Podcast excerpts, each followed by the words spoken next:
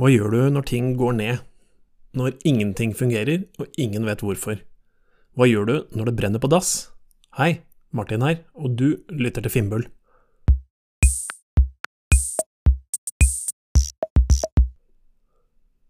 Jeg har tidligere jobbet som konsulent. I et prosjekt jeg var på i en lengre periode, leverte vi et ERP-system, altså et komplett system for virksomhetsstyring, til en av Norges største butikkjeder i sin bransje. Systemet var omfattende og dekket alt fra innkjøp, lagerstyring, økonomi og regnskap, til salg og programvare i kassene i butikkene. Dette var for meg et svært lærerikt prosjekt av flere årsaker. Jeg husker spesielt godt en episode hvor jeg var ute i kundens største butikk og hele systemet gikk ned. Programvaren i kassene var utilgjengelig, og man kunne ikke ta betalt for varene som kundene skulle ha. Køen av misfornøyde kunder vokste seg langt innover i butikken. Noen kunder bare la fra seg varene og gikk, andre ble sinte. Og unødvendig å si er dette oppskriften på stress for alle ansatte, enten de jobbet i kassene, eller for meg som innleid konsulent. Det er i kjølvannet av slike negative hendelser man ser kulturforskjeller mellom forskjellige mennesker og forskjellige bedrifter. En av årsakene til at jeg var i flere år på dette prosjektet hos denne kunden, var at de hadde en god kultur som skapte god stemning, ikke bare i prosjektet, men i hele bedriften.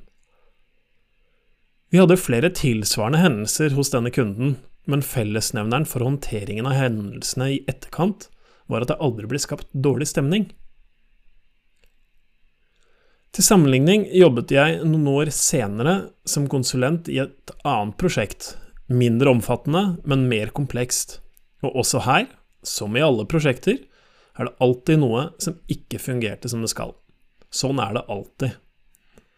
Men i dette andre prosjektet hadde kunden en leder som var dyktig når ting gikk bra, men når ting ble vanskelig, ble også lederen vanskelig. Jeg husker spesielt et møte hvor han hevet stemmen så den dirret, delte ut kjeft og avsluttet med å gå ut døren og smelle den igjen etter seg. Du kan jo tenke deg stemningen i rommet etterpå, og hva det gjør for motivasjonen til menneskene. Det er som å punktere en ballong. All arbeidslyst til alle i rommet forsvant i løpet av få minutter.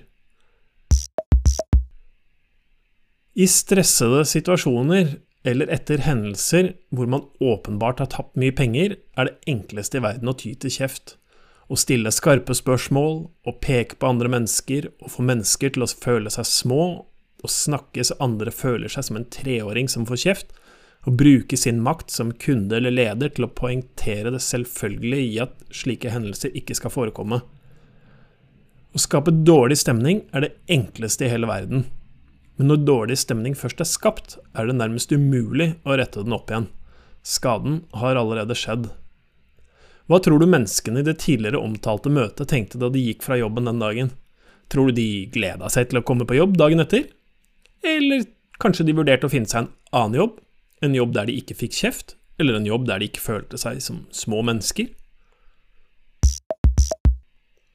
Det er når det brenner på dass at man virkelig ser forskjellen på gode og dårlige ledere.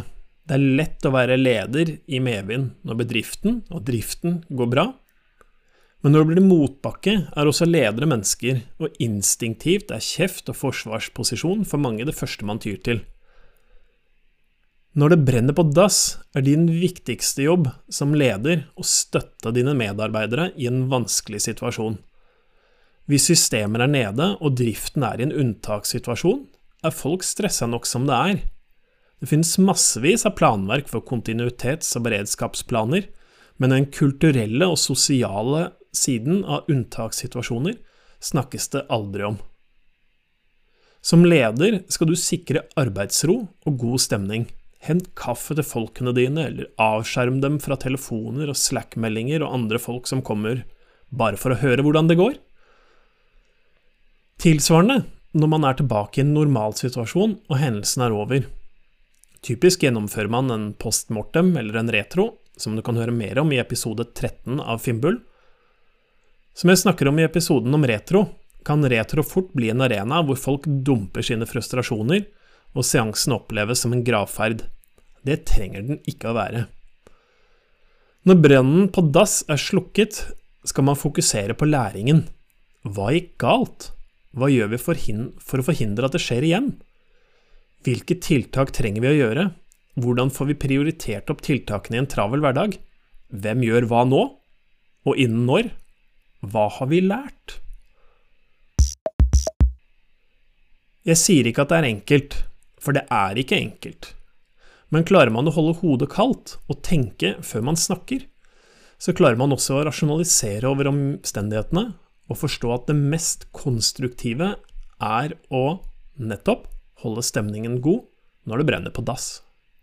Tusen takk for at du lytter til Finnbull. Vi høres. Og du? Liker du Finnbull? Er det nyttig for deg?